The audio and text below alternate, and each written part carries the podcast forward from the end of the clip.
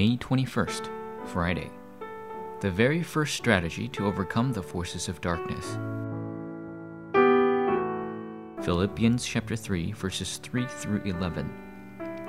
I want to know Christ and the power of his resurrection and the fellowship of sharing in his sufferings, becoming like him in his death, and so somehow to attain to the resurrection from the dead. The darkness that deceived Adam and Eve still exists to this day. The forces of darkness are even now attempting to deceive and attack the lay people and church with the gospel to prevent the rise of the evangelism movement.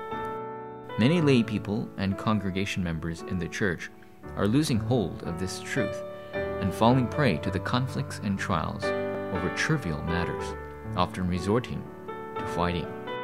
What is the first thing that we as people with the gospel must do to overcome this force of darkness? Number one, the first strategy to overcome darkness. First, verse 6 of the scripture for today tells us that God has a plan for all his believers.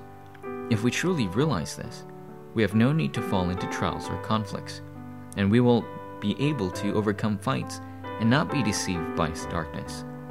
Second, we must realize that God's greater plans are hidden with the opinions and will of both ourselves and others.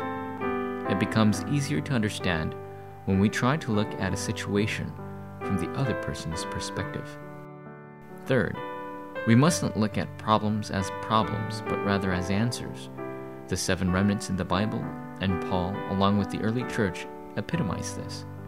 Finally, waiting until all believers within the church can understand each other and be one, and until all the lay leaders receive strength, is the very first strategy to defeat the darkness. Number two, true answers that arise after defeating darkness. Once we truly understand that God has a plan for everyone, true answers from God will begin. Sincere prayer topics for all people will arise. Paul saw God's plan for all believers, discovered prayer topics regarding each and every individual, and gave thanks. When we discover God's plan regarding other people, amazing works will arise. It is at this point that the church will gain strength and live. It is at this point that the church will receive strength and see the great works of God that the early church experienced.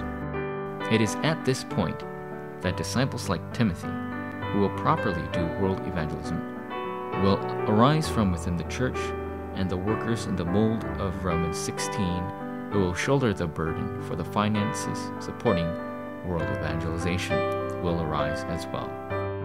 If we truly do the evangelism movement after having realized the gospel and true blessings, God will take care of our finances. Forum topic Think about the people around you, all the believers within the church, and in particular pastors and lay leaders in the church and God's plan towards them. Then meditate upon the plan of God regarding your work and your interpersonal relationships.